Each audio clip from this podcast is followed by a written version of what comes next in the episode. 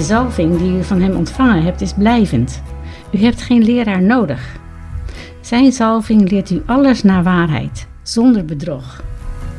Dit staat in Johannes 2, vers 27 en het gaat over het werk van de Heilige Geest. Dat is om ons te zalven zodat we in staat zijn om misleiding en verkeerde dingen te onderscheiden. Als Johannes dit schrijft, is het de tijd van de gnostiek, ofwel de wetenden, die volhielden dat het onderwijs van de apostelen aangevuld moest worden met hogere kennis, die de gnostiek in huis zei te hebben.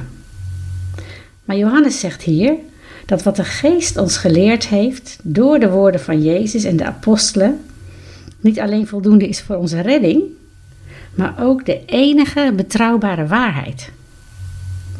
En als hier staat je hebt geen leraar nodig, betekent het niet dat er geen onderwijs in de kerk nodig is. En dat je alleen maar op de leiding van de Heilige Geest hoeft te vertrouwen. Het gaat erom dat we geen onderwijs nodig hebben die iets toevoegt aan wat God geopenbaard heeft. De Heilige Geest zalft gelovigen zodat we het vermogen ontwikkelen om goddelijke waarheid te ontvangen. Waarheid die al geopenbaard is. Dat is een heel belangrijke kern om te onthouden. De Heilige Geest zalft ons zodat we het vermogen ontwikkelen om goddelijke waarheid te ontvangen. je mag erop vertrouwen dat als je iets hoort dat in strijd is met de Bijbel, dat de Heilige Geest een belletje laat rinkelen. Dat je in je hart hoort: hé, hey, klopt dit wel? Is dit wel een overeenstemming met de waarheid? Zo is het tegenwoordig een beweging die zich het nieuwe christendom noemt en zegt: God is in mij, God is in jou. Dat is waar het om gaat. God kun je hooguit zoeken, maar nooit vinden.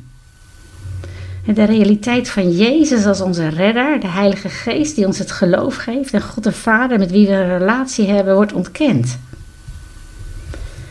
Maar in Johannes 14, vers 16 staat: Dan zal ik de Vader vragen jullie een andere pleitbezorger te geven die altijd bij je zal zijn, de geest van de waarheid.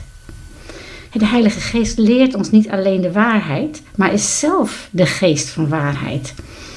Dus het gaat niet alleen om de feitelijke waarheid, maar omdat Hij de geest van waarheid is, ontvangen we kracht om volgens die waarheid te leven. Dus het is niet alleen iets met ons hoofd, maar het is ook de actie, iets wat we mogen doen. alleen daarom al is het zo belangrijk dat we elke dag beginnen met het verwelkomen van de Heilige Geest en te bidden Kom, Heilige Geest, vervul ons hart. Laat ons niet van hier gaan zonder uw waarheid en uw kracht in ons. Dat bidden wij, Heer. Kom en vul ons hart. Richt ons op u en uw waarheid.